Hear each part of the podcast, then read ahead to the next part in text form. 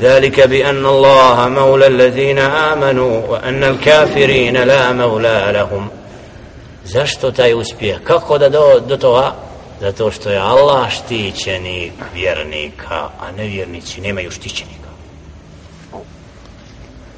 Kada je na Uhudu Abu Sufjan povikao gdje je poslanik sallallahu alaihi ve sellem, gdje je Abu Bekr, radujući se kao gdje vam je taj koga vi slijedite, Misleći da je mrtav. Pa je Umar ibn al-Khattab radijallahu ta'ala an. Allah njim zadovoljan. Rekao, kezzebtum, lažete da je mrtav. Nije istina to što govori.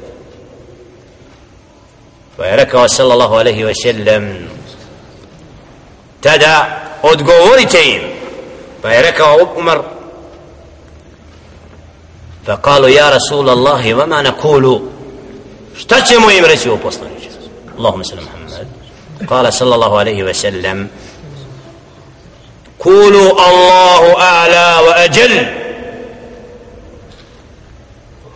Allah je najuzvišeniji najveličanstveniji On je taj koji je nam štićenik.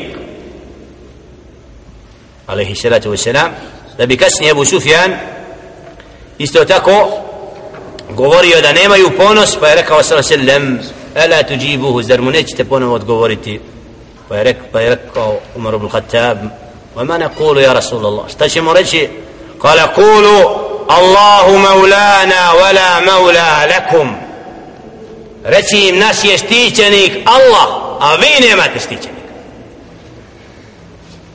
znači u tefsiru ovoga ajeta ovaj moment ذلك بأن الله مولى الذين آمنوا uspije vjernicima zato što je Allah garant vjernicima nevjernici nemaju štićenika i onoga ko je u stanju da im pomogne هذه الأقيدة هذا الإيمان to vjerovanje taj iman kad bude čvrsto u srcima vjernika ne mogu biti gubitnici nikad i Allah će ih neminovno pod pomoći i ovaj din uzvišiti a svakog onog ko stane na stazu prave staze ponižiti. Fi hadi dunija na ovom svijetu prije ono i nevjernici su poniženi pred skupinama vjernika. Uvijek. A to da budemo jedni s drugima iskušani hadihi da jedni uzmu nagradu dženneta a drugi poniženja džehennema. Adan Allahu i jakom nas Allah sačuva patnje džehennema učvrsti nas na stazi. الصراط المستقيم. pravoga puta ojača iman u našim srcima jer Allah subhanahu wa ta'ala voli robove koji na iskušenjima ojačavaju i postaju إن, إن الله يدخل الذين آمنوا وعملوا الصالحات جنات تجري من تحتها الأنهار. والذين كفروا يتمتعون ويأكلون كما تأكل الأنعام والنار مثوى لهم. Allah subhanahu wa ta'ala uvodi u džennet one koji vjeruju i dobra djela čine kroz koje rijeke teku. Oni koji ne vjeruju jetemeteu, naslađuju se dunjalučkim ožicima i jedu kao što stoka jede. Traže užitak u nečemu hoće džennet na dunjaluku a, da se, osl... se prepuste da žive bez pravila da se ne zna ko je muško, što je žensko, kako ćeš se obuti. La nema pravila, živi kako hoćeš, sloboda.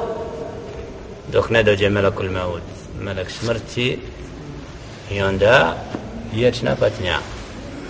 Zato Allah subhanahu wa ta'ala vidimo da uporećuje nevjernike sa stokom wan مَثْوَلْ لَهُمْ lahum a njihov konačni boravak jeste vatra.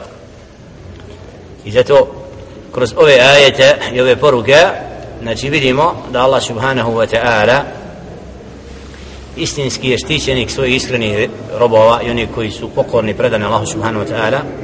Fa man kana ala bayyinatin min rabbih kaman zuyyina lahu su'u amalihi wa ahwa'ahum.